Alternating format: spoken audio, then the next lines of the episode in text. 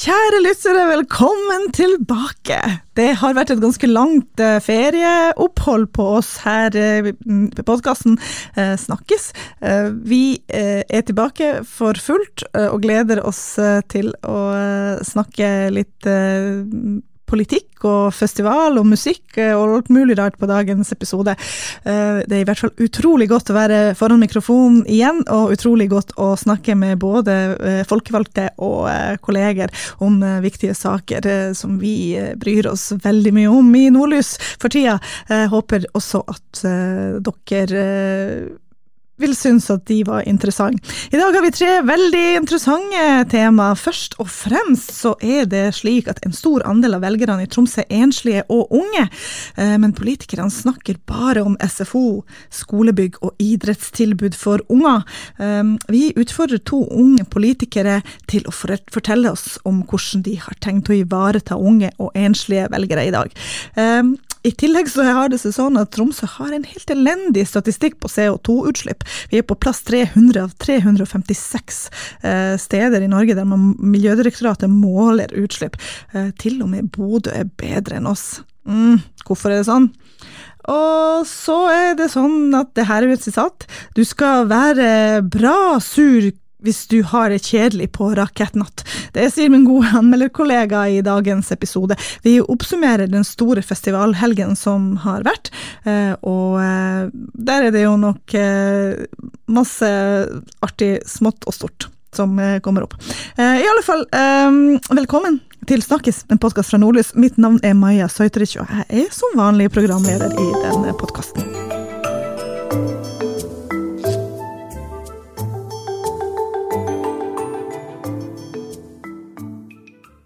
I dag skal vi snakke om de single og de unge i vår egen lille politiske debatt her i Snakkes. Eh, de kalles for enpersonsfamilier i, hos SSB. De single utgjør hele 21, 21 000 mennesker i Tromsø. Unge mennesker utgjør en stor andel av velgere også. Vi har skrevet om bl.a. Raymond Berg Jensen, som sammen med 6980 andre unge menn mellom 25 og 34 år utgjør den aller største velgergruppen i Tromsø. Unge kvinner er i tet, de utgjør 6558 velgere. Det er like mange stemmer som Høyre fikk ved siste kommunevalg. Dette er ofte, men ikke alltid sammenfallende grupper. Det er mange som ikke har etablert seg som, en, eh, som er i en singelhusholdning i byen. Samtidig er det også en stor gruppe med mangfoldige interesser. Som regel er de nok ikke interessert i skolebygg, barnehager, fritidsordninger og barn. I dag skal vi snakke med Høyre Sebastian eh, Henriksen og med eh, SV sitt eh, Sigrid Bjørnhaug Hammer om hva slags politikk de har som treffer disse velgergruppene. Eh, velkommen Sigrid og Sebastian. Tusen takk. takk, takk. Når man ikke skal snakke om skole og barnehage og eh, familieøkonomi, eh, hvordan skal man treffe da med personøkonomien til unge og single i denne byen. Sigrid? Ja, først så vil jeg jo si at jeg tenker jo at de her gruppene, selv om de er single og bor alene, så er de jo eh, ulike velgere, akkurat sånn som oss andre. Og eh, har eh, kanskje ulike tanker om hvordan ting skal styres. De har ulik økonomi. Eh, det er rett og slett forskjellige folk, så jeg tenker at det er jo ikke et entydig svar eh, på hva hver og en av dem eh, bryr seg om, da. Jeg tenker Det er derfor det er litt sånn vanskelig å treffe på en politikk som angår enslige velgere i denne byen? Ja, altså, jeg tenker jo at veldig mange av de kommunale tjenestene som man serverer innbyggerne, treffer jo gjerne barn og eldre, fordi at det er jo gjerne dem som har det, det, største behovet på den måten. Og da er det jo all den andre politikken som man fører, hvordan den da treffe de her eh, folkene. Og da tenker jeg jo at eh, det er viktig at man ser på hva man kan gjøre med boligpolitikken, med tanke på boligpriser, eh, hvordan man planlegger byen for å få lavest kostnader for folk. Masse sånn her som, som som treffer folk. Møteplasser, nærnatur. Det man snakker om på inn- og utpust, men som kanskje mange kanskje sliter med å, å se seg sjøl i, da. Sebastian, hvordan treffer Høyres politikk de her enslige velgerne? Nei, jeg tror ikke vi har vært gode nok til å treffe dem. Og jeg lærte veldig mye av å lese om Raymond og den grundige artikkelen i Nordlys. Jeg tror som Sigrid er inne på at vi fokuserer veldig mye på de kommunale tjenestene som treffer barn og unge og barnefamilier, men må bli mye flinkere til å tenke på unge mennesker og enslige single eh, som bor her i Tromsø. Det er jo akkurat sånne som Raymond som vi har lyst skal bo i Tromsø. Som er ung, som har lyst til å bo i Nord-Norge, som er ressurssterk, har en god jobb som butikksjef på Ekstra i Kroken, som skaper masse og til og med har klart å kjøpe sin egen bolig. Og jeg tror det viktigste er at man legger til rette for at folk klarer å kjøpe bolig. Og det er vanskelig når man er singel og enslig og skal etablere seg i, de, i den, den, delen av livet jeg er i nå, og de kommende årene. Jeg merker at vi snakker mer om økonomi, vi snakker mer om bolig, sparing. Helt andre ting enn vi gjorde tidligere. Og så Nå kommer vi litt på kanskje de politiske forskjellene på dere to, for dere er begge enige, det her er viktige grupper. Men vi må jo snakke om boligpolitikk. Og i dag fikk vi faktisk et leserinnlegg, det her kommer jo litt berus på kanskje dere, men vi fikk et leserinnlegg i Nordnorsk debatt fra uh, Norsk Boligbyggelag sin leder, som mener at Tromsø er jo altfor dårlig plassert med tanke på regulering av nye boliger. Det bygges ikke nok boliger, uh, det må jo bygges mer. Og han, er jo uttaler seg på vegne av en interessegruppe. Men hva, mm. hva sier du til det, Sigrid? Bygges det nok boliger i Tromsø? Ja, først vil jeg jo si at eh, man vet jo at boligmarkedet i Norge er et av de dårligst regulerte i Europa. Det finnes nesten ikke eh, regulering. Og man vet at det er også en enorm forskjellsmaskin mellom dem som er eh, innenfor boligmarkedet og dem som, som står eh, utfor. Og så har vi 8000 ferdigregulerte boligtomter i Tromsø. og Man kan også peke på at vi har enda mer hvis man, hvis man vil det. Eh, men vi kan liksom ikke sitte og vente på at uh, utbyggerne skal bestemme seg for at nå er det lønnsomt å bygge. Og Derfor så mener vi at kommunen må, må inn og bidra til at det bygges mer boliger, sånn som vi f.eks. gjør når vi kjøpte Åsgårdmarka for å sikre gode ordninger for leie til, til eie, f.eks. Og så er det jo på en måte på Stortinget at eh, det meste av skattepolitikk eh, legges, og det gjelder jo også da boligbeskatninga. Men kommunen må se på seg sjøl som en samfunnsutvikler, tenker jeg, og en pådriver for at alle skal skal ha et trygt og godt eh, sted å bo. og Da ligger det mye man kan gjøre på den sosiale boligpolitikken i kommunene også. Men Høyre har jo vært på sittende kommune... Altså, altså motstander til sittende kommunestyre, kanskje. Eh, I hvert fall vært veldig pådriver for at det her saksbehandlingstida skal gå ned, det skulle reguleres mer til bolig, at det skulle reguleres mer utenfor bykjerna. Hva tenker du, Sebastian, gjør Tromsø kommune nok når det gjelder boligutbygging? Nei, vi mener jo at det gjøres for lite og at det går for sakte. Vi møter hele tida enkeltpersoner som sliter med å få seg en bolig, utbyggere som sliter med å få svar i kommunen, som mellom lang saksbehandlingstid og en evig runddans med administrasjonen i Tromsø kommune. Og jeg tror det er viktig at vi ser på Movika, på Kvaløya. Det har vært viktig for Høyre å se på andre områder. Vi er for byspredning fordi vi tror at det kan være med på å oppfylle drømmen til Raymond, som han delte med oss i går på NRK-debatten. Han har lyst til å kjøpe seg hus, han har leilighet. Og når han får seg en partner og kanskje familie, så har han lyst på et hus eller et rekkehus. Og det er ikke mulig for meg og han på Sør-Tromsøya med de tomteprisene som er. Det er ikke mulig på Tromsøya. Vi er nødt til å utvikle Tromsø. Vi kan ikke la oss begrense på den måten som jeg opplever posisjonen gjør når det kommer til arealutviklinga i Tromsø kommune. Blir det billigere eh, huspriser i Tromsø bare man tillater større utbygging, Sigrid? Jeg syns det er utrolig skremmende at eh, Høyre i forrige uke stemte mot byvekstavtalen, og at eh, Anne Berit Figen skulle ute og kalle nullvekstmålet for en hemsko for Tromsø sin utvikling. Vi står i klimakrise og i naturkrise og er nødt til å gjøre vårt. Og det har vært anerkjent eh, over hele verden siden 60-tallet at eh, byspredning er noe man ikke kan holde på med. Eh, og så er det åpenbart en utfordring at folk har lyst til å bo større enn det de gjør. Det er så mange som bor trangbodd. Men da tror jeg man er nødt til å tenke litt andre veien enn det Sebastian her gjør.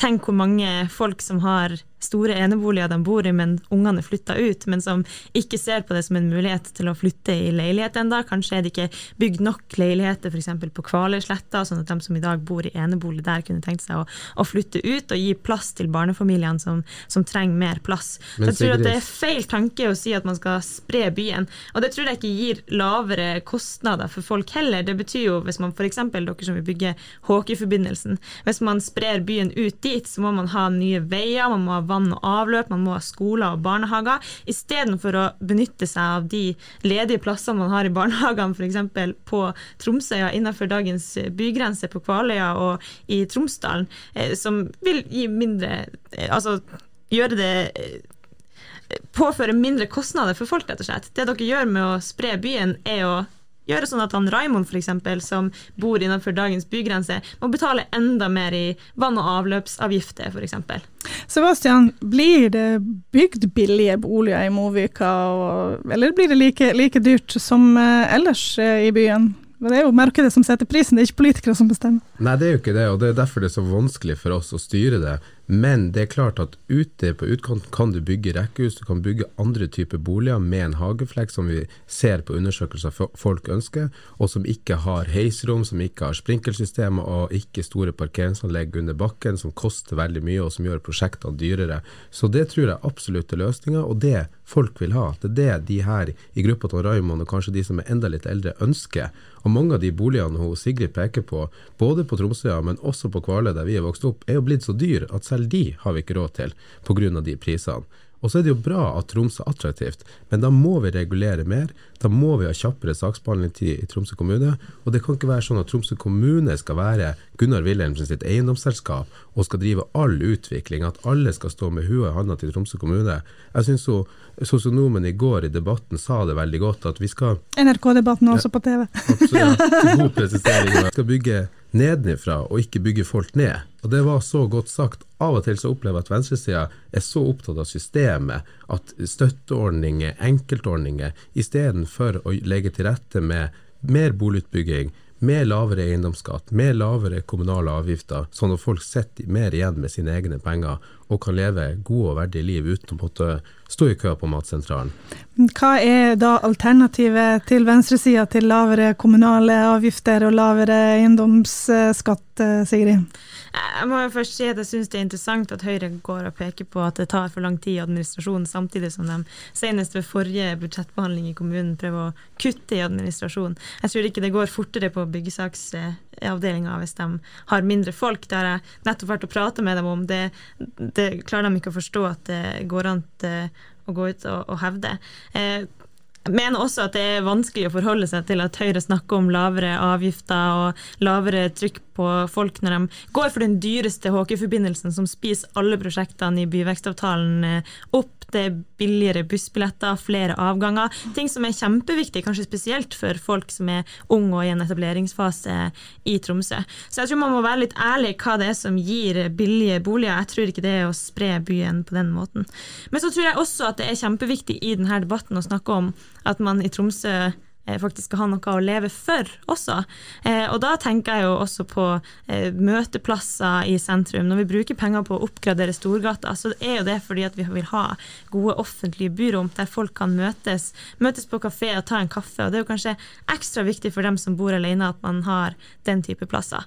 Og der er jeg òg bekymra for nærnaturen som i stadig større grad bygges ned til fordel for eh, boliger, hytter osv. Eh, jeg tenker at det er kjempeviktig at folk har nærhet til f.eks. Prestvannet, man kan gå rundt eh, Tromsømarka og Byfjæra.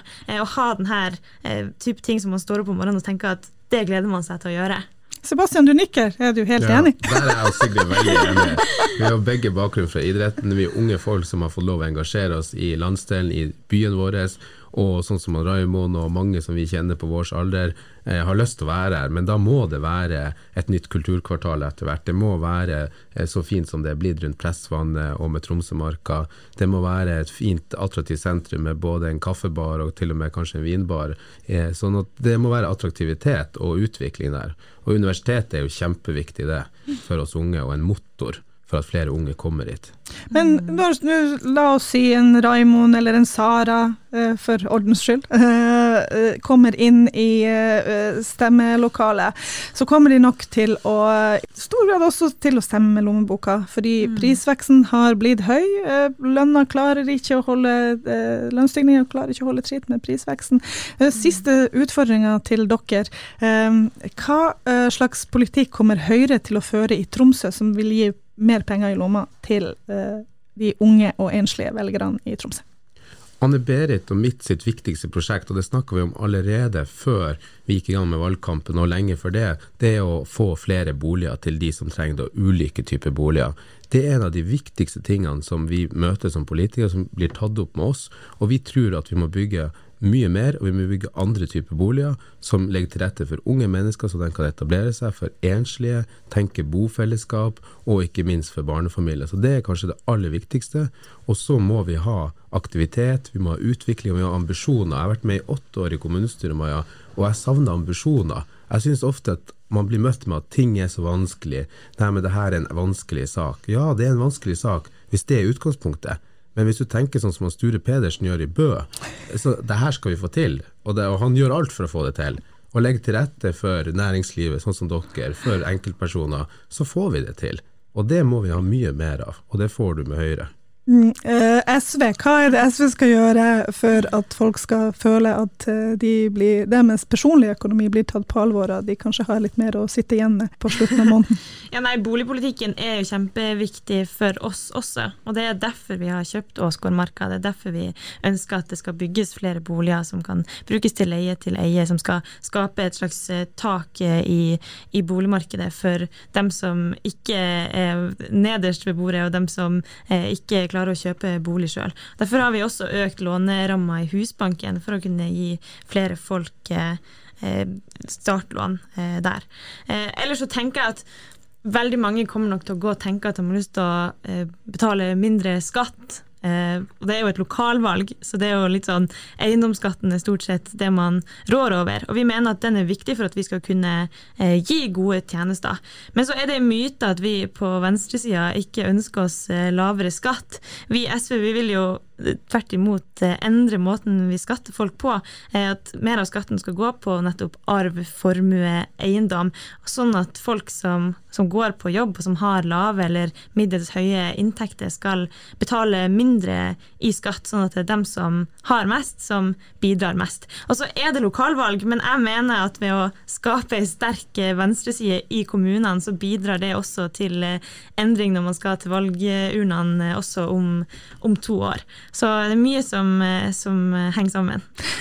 Og med det så vil jeg gjerne komme med en sterk oppfordring til at folk, eh, altså særlig denne aldersgruppa mellom 25 og 34 år, kommer til stemmelokalene med den stemmen de ønsker å gi. Jeg skal ikke gi noen føringer i det hele tatt, men vi ser at de er veldig ofte dem som ikke dukker opp og stemmer. Og det er jo ikke bra. Og det regner jeg med dere er enig i begge ja. to. Absolutt. Tusen takk Sigrid og Sebastian for at dere kom og prata med meg om eh, det her, og godt valg. Tromsø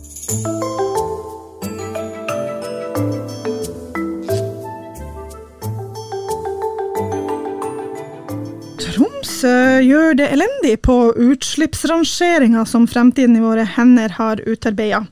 Eh, byen er på plass 300 av 356 steder som har blitt rangert, eh, og utslippene i byen de øker. Og det er jo dårlig nytt for en by som for kort tid siden ønska å være en av 100 EU sine utslippsfrie eller utslippsnøytrale byer. Hvordan kan det være mulig at Tromsø stiller så dårlig an? Um, en av dem som uh, har um, reagert, uh, er jo uh, Anja Bakken Riise, som er leder i Fremtiden i våre hender. hun er selv født og oppvokst i Tromsø, synes det er ille at heimbyen gjør det så dårlig. Kan du fortelle meg litt, Anja, hva som ligger bak denne rangeringa? Ja, nei, vi i Fremtiden i våre hender har um har lyst til å eh, gjøre endelig velgerne oppmerksom på at eh, klima er noe man skal tenke på eh, når man går til valgurnene i disse dager.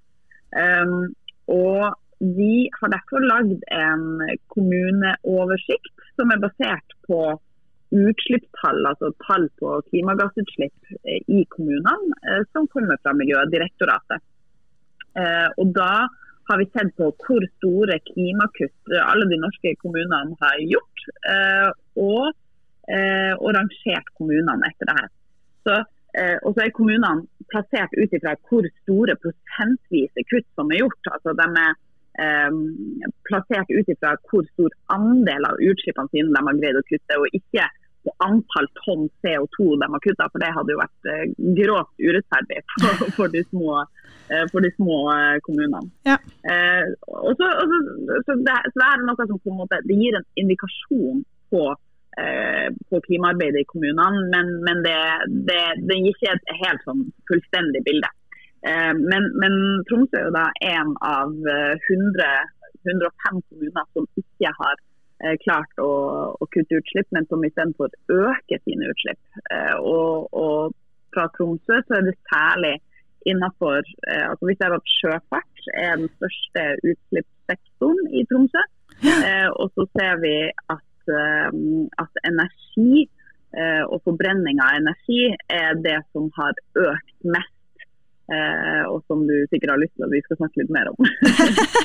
jeg har jo egentlig lyst til å snakke om skipsfart i veldig uh, faktisk i stor grad, fordi Tromsø kommune ja. har da sjøl ønsket, da, eller har etablert, et prosjekt hvor man skal uh, skaffe seg landstrøm. Altså båter som kommer inn og skal legge til kai hos oss, skal få landstrøm. Det var et prosjekt som har fått tolv uh, millioner kroner, og sånt, men det har jo vært trått, og det har vært vanskelig å få til. Det er jo én plass i Tromsø hvor og alt fra store trålere til cruiseskip kan komme og uh, koble seg på strømmen, sånn at de slipper å bruke aggregatene sine, som er dieselaggregater, da. Uh, og uh, skal føre til mer utslipp. Og av 34 anløpssteder som Hurtigruta har, f.eks. i mm. Norge, så er det bare to som har tilgang til landstrøm. Um, og det var noen som gjorde en kjapp beregning, og nesten sånn en tiendedel av det Melkøya slipper ut i løpet av, i løpet av et år. Eh, kunne Tromsø spart på skipstrafikken hvis vi var flinkere å elektrifisere ja. de her havneanløpene. Eh, og det har jeg litt lyst til at du skal eh, si noe om. Hva er det du tenker om den mm. saken? Ja, altså her har vi som land med lang kystlinje mye å gjøre. og det, altså, Etter at vi slapp de her tallene, så, så var det flere som pekte på at ja, men, men Tromsø er en av de største eh, havnene i, i nordområdene. Eh, og, eh, og, det er på en måte det er urettferdig at vi skal ta på oss eh, skylda for, eh, for, eller, og ansvaret for hele denne skipstrafikken. Men her tenker jeg at da må vi gå sammen med flere.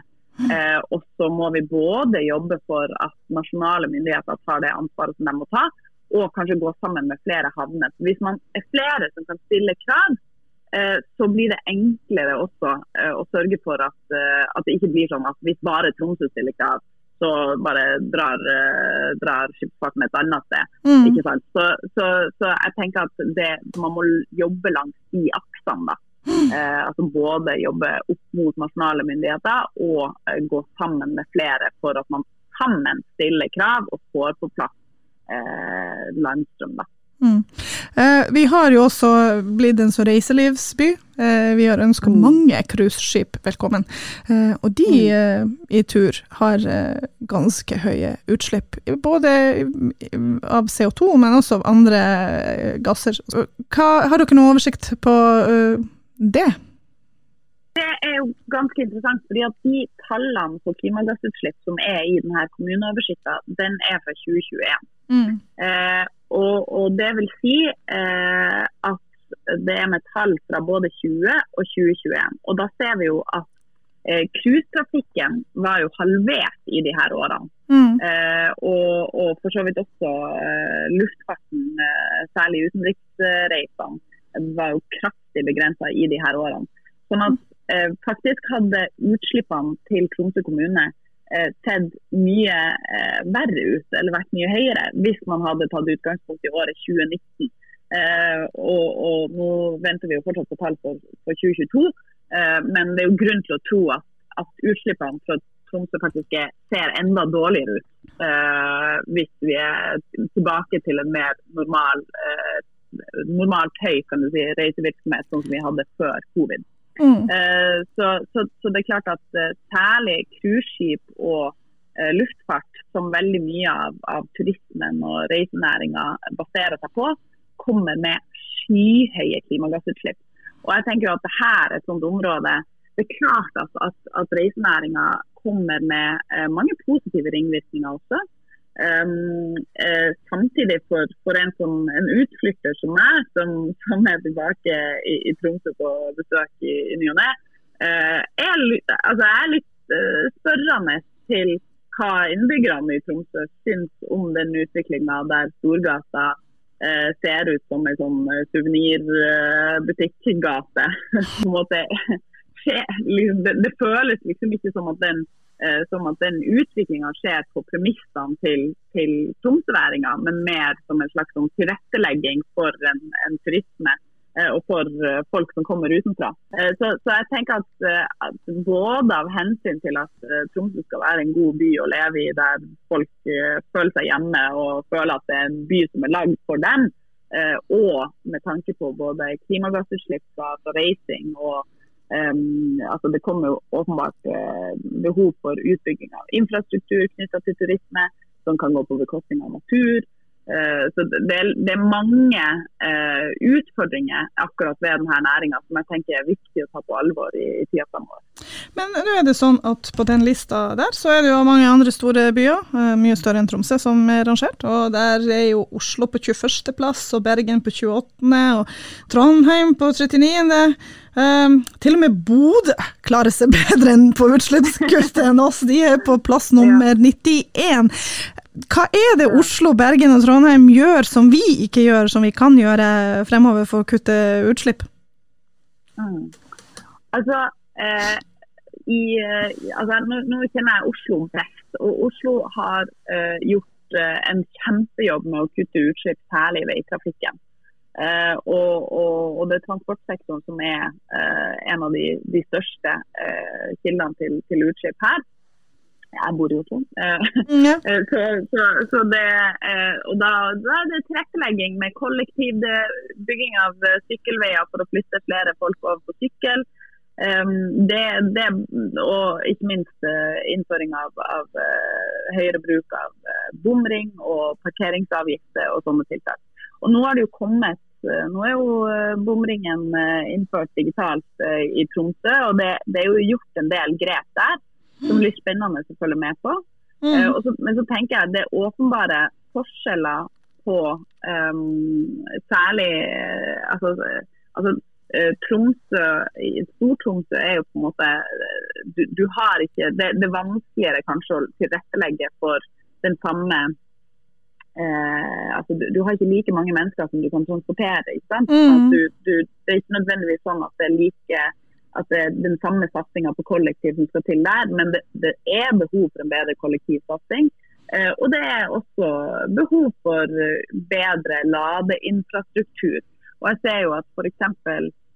at det er veldig mye av de, de større eh, det, mye av de større kjøretøyene eh, på, på, det som går på eh, varetransport, på det som går på eh, busser, på det som går på bygg- og anleggsmaskiner, som i stor grad i dag er bensin- og dieseldrevet. Eh, som, som der man kunne ha gjort en innsats for å få de her over på lavutslipp eller nullutslipp.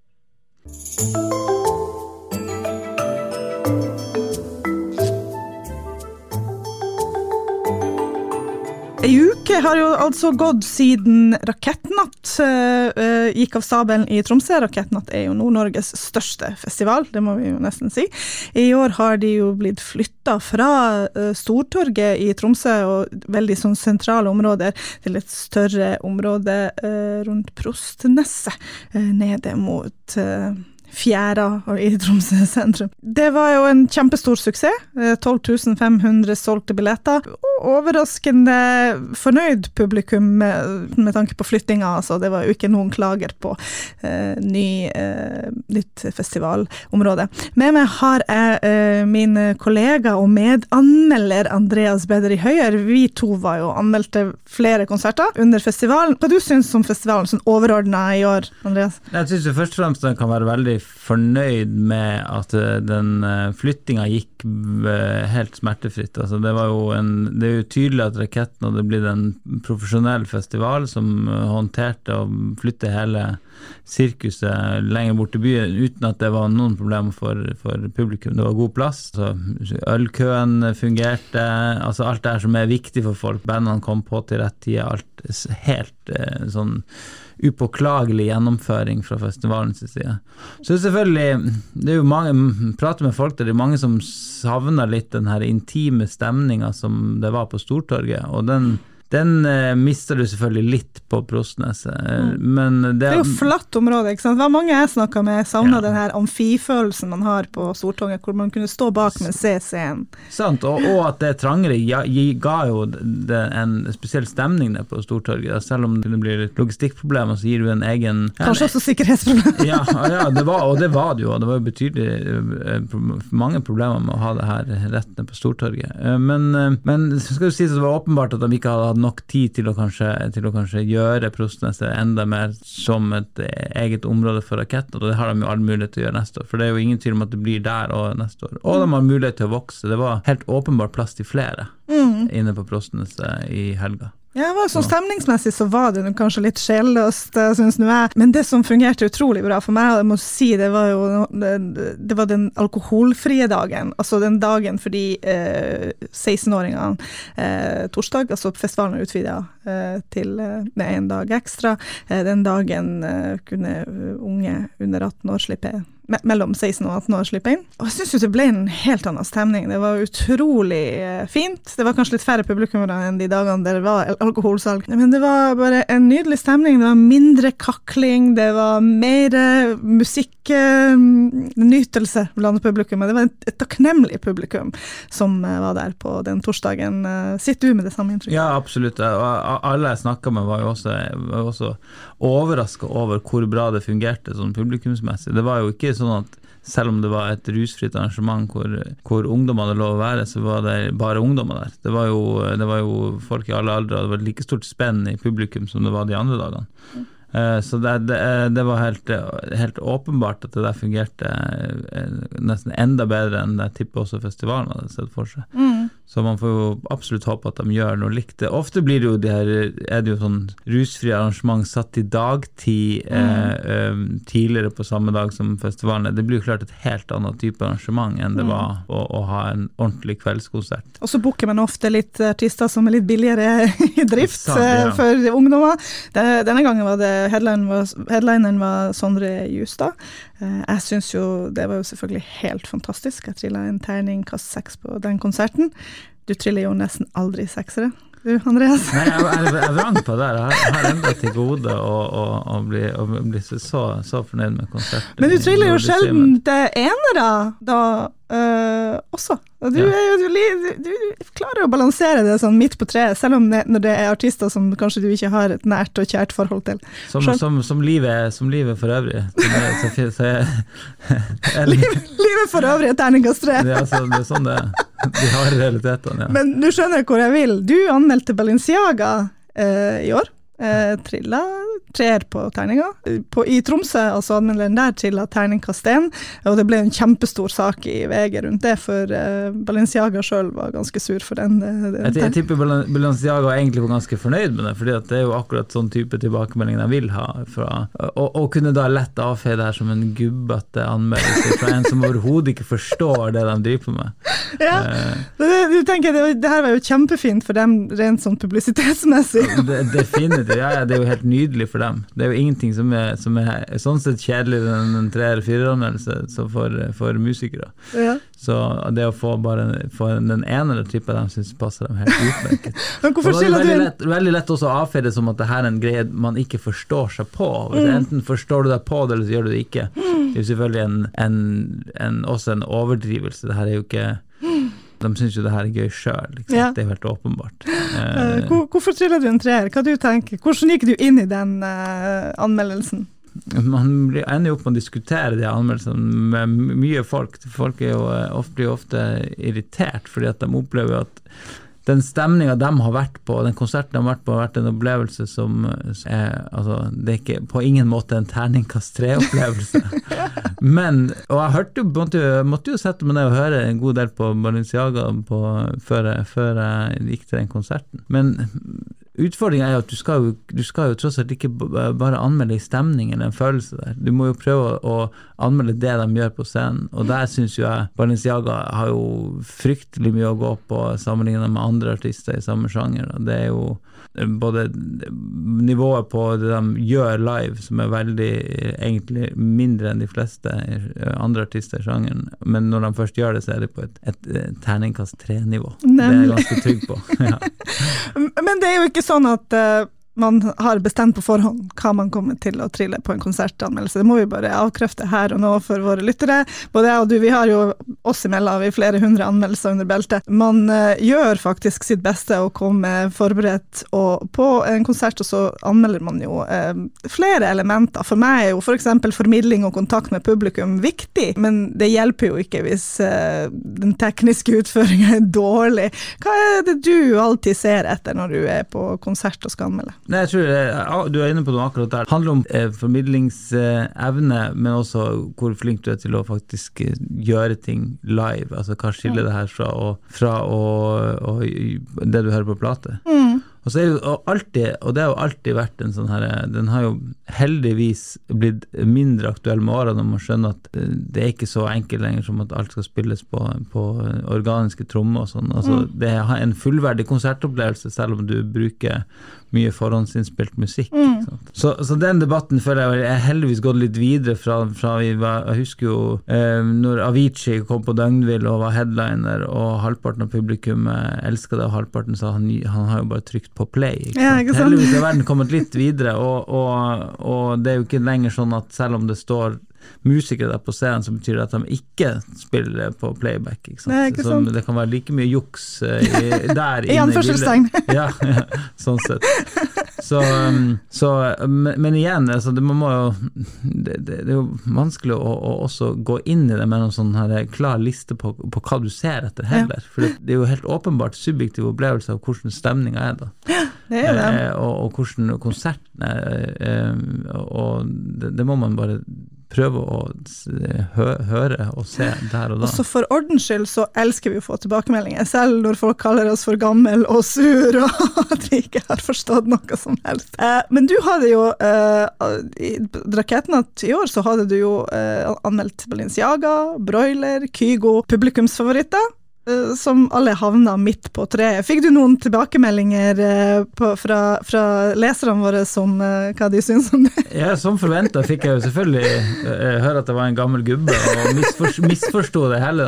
Det var jo det, og det var jo som forventa. Det det ville jo sikkert jeg også sagt hvis, jeg, hvis jeg en, gikk på en konsert som jeg syntes var dritbra, og du anmeldte det til en toer, så ville jo jeg jo helt åpenbart påstå at du, ikke, du har jo ikke skjønt en dritt. Så det er jo en del av det å anmelde, derfor man skal gjøre det. Ja, men det er jo det vi vil ha. Vi vil ha engasjement. Det er ikke sånn at eh, man sitter og sturer når folk kaller oss for gammel, selv om jeg helst vil bli kalt for ung. Eh, Det er, for, det er, for, det er toget for langt, kjørt for lengt. Og, Men vi og, det, og det er jo personlig. Altså, det blir klart det blir personlig hvis du, hvis du virkelig har Elsker noe. Ja, elsker noe, elsker å gå på den konserten eller den plata, Ja. og noen kaller den for elendig, eller den boka du likte, eller hva det nå enn er, så er det jo, det er jo personlig. Det er jo Jeg er helt smak. sikker på at hvis jeg hadde trilla en terningkast fire på Sondre Justad på Rakettnatt i, i år, så hadde jeg blitt radbrekt i kommentarfeltet. Ja. og jeg tror det var, det var såpass nært opplevelse for veldig mange rundt meg. Og det er jo faktisk en av de få gangene hvor jeg eh, inkorporerte publikumsopplevelsen i eh, en anmeldelse. Vanligvis så distanserer jeg meg litt ifra den, fordi som du sier, eh, folk kommer dit med forskjellige forutsetninger, og ikke alle er på jobb. Og de har eh, hjerte, det er jo nært til folks hjerte ofte hva de liker å putte i ørene sine, og det respekterer vi jo selvfølgelig, eh, men vi kommer litt eh, med, med noen andre no, noen andre verktøy inn i det, det hele. Men jeg har litt lyst til å si, eh, snakke om én ting til, og det var jo altså bookingene til årets Rakettnatt. Det var nesten ingen internasjonale artister. De solgte 12 500 billetter på nesten utelukkende norsk, norske band. Eh, hva, hva du tenker om det programmet? Nei, altså, jo, det, er jo, det er jo todelt her. For det første er det jo veldig bra at man har så mye, mye store, gode artister som gjør at det er helt uproblematisk å, å ha en festival uten eh, jeg tror, jeg tror, egentlig ikke mange, mange gikk dit og tenkte at det var et program som mangla, kvalitet. kvalitet, kvalitet eller hits. Det er, jo, det, er jo, svære kommersielle artister, og alle var, eh, bortsett fra én, var norsk. norske. Ja. Mm. Uh, og det er, jo, det er jo, bra, det er jo også, men, men, det er jo også en tendens i Festival-Norge at det er blitt forferdelig dyrt å booke store mm. utenlandske artister. Så jeg, jeg, registrerer jo at også folk i Tromsø Det er jo en evig diskusjon om bookingen til festivalen i Tromsø, og hvorfor klarer ikke vi å hente inn de samme navnene som Døgnvill gjorde i sin tid? Hvorfor er vi ikke å yppe oss med å prøve å booke Snoop Dogg! Ja, ja, sant. Altså, det er jo, ja, og, og, og, hvor blir det av de navnene? Det er jo rett og slett fordi at festivalmarkedet er blitt helt ekstremt Ja, det som kosta 500 000 å booke for fire år siden, koster to millioner kroner. Ja, ja og det, ja, det, er klart det er helt umulig for en festival i Tromsø å lage en festival som type døgn vil være for ja, det begynner å bli bra mange år siden. Ja, la oss ikke telle. og, men, men det som jo er, det som jeg tenker bør være en klar utfordring til Rakettnatt, er jo at de, de er jo nå eid av, av, har en eier som også driver andre festivaler, og at det ikke blir en sånn her litt sånn samlebåndsfølelse. at Rakettnatt eh, kjører seg Nå har de jo to festivaler på omtrent samme tidspunkt i Bergen og Stavanger som de samarbeider med mm. på booking, og at ikke det her blir en sånn fellesbookingfestival hvor du Uten sjel. Ja, egen sjel. Ja, sant. At, de har, at de passer på at de har eh, De hadde jo fortsatt i år en del bookinger som ikke de har, deriblant Kygo. Mm. Uh, og at de har ja, fortsatt mulighet til å gjøre særegne bookinger. For det har vært Rakettnots eh, store styrke, tenker jeg, de tidligere årene. At de har klart å ha en bredde i programmet som ikke eh, mange av de mer kommersielle festivalene har hatt i andre byer. Mm. En ting jeg nevnte var jo at eh, festivalen, uh, gjennom mine anmeldelser, festivalen uh, av og til tenderte til å bli et sånt russefest med selvfølelse strødd over, fordi det var veldig mye EDM, og det var en god del av de her ja, emosjonelle popballadeartister som vi har veldig mange av i Norge, både unge kvinner og unge menn som har hjertet sitt ute på skjorta. Syns du det var kanskje litt lite variasjon? Eh, ja, og, og, det er jo også noe med de artistene som da har reist rundt på festivalen. De har skreddersydd sånn ferdigprodusert festivalshow, mm. eh, og som, som, det merkes at det her er artister som, som stort sett gjør de her type eh, mm. oppdrag. Mm. Eh, og der syns jeg jo kanskje ja, det burde jo egentlig også, også de her artistene reflektere over, at man ikke, at man ikke begynner å høres for lik ut, rett og slett, i, i uttrykket.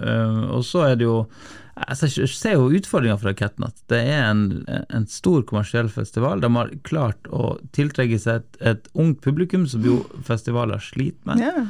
Så de har gjort fryktelig mye rett, men jeg uh, syns det fungerte veldig bra når de hadde tre scener og kunne ha en del en mindre. del mindre og mer og oftere lokale artister på en liten scene inne på Kulturhuset, som var jo en stor suksess for, mm. for ett år siden. Ja. Oter på Kulturhuset for. Ja, helt fantastisk. Helt, helt, fantastisk konsert, som jeg tror veldig mange i Tromsø ikke glemmer med det første. Mm. Men det forsvant jo i år med, med sånn som eh, sceneoppsettet var på Prostneset. Mm. Så jeg får håpe de har mulighet til å få det tilbake, for det er jo tenker at det er jo en viktig Rakettene er en viktig arena for de, for de artistene som ikke er innenfor uh, rocksjangeren, rock som mm. Bukta tar seg godt av. Um, så det må jo være også en klar oppfordring til at de ikke gir slipp på det der. For dem, det er åpenbart at det trekker òg et annet segment av publikum, hvis du kan ha en større bredde i, i, i programmet på, den, på, det viset. Men i alt var vi fornøyd. Vi var veldig fornøyd med gjennomføringa i år. Absolutt. absolutt. Jeg kjenner at det er en artig festival. og, og nesten uavhengig om, om, du, om du elsker musikken eller ikke. Du skal, du skal, være, du skal være bra sur hvis du hadde det kjedelig for hele raketten. Takk, Andreas.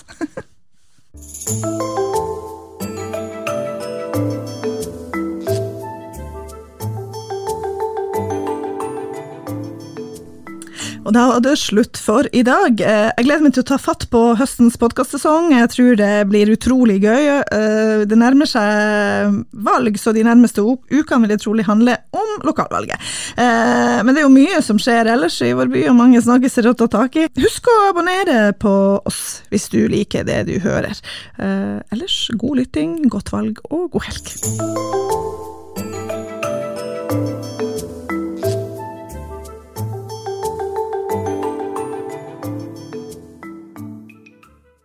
Har du et enkeltpersonforetak eller en liten bedrift? Da er du sikkert lei av å høre meg snakke om hvor enkelt det er med kvitteringer og bilag i fiken, så vi eh, gir oss her, vi. Fordi vi liker enkelt. Fiken superenkelt regnskap.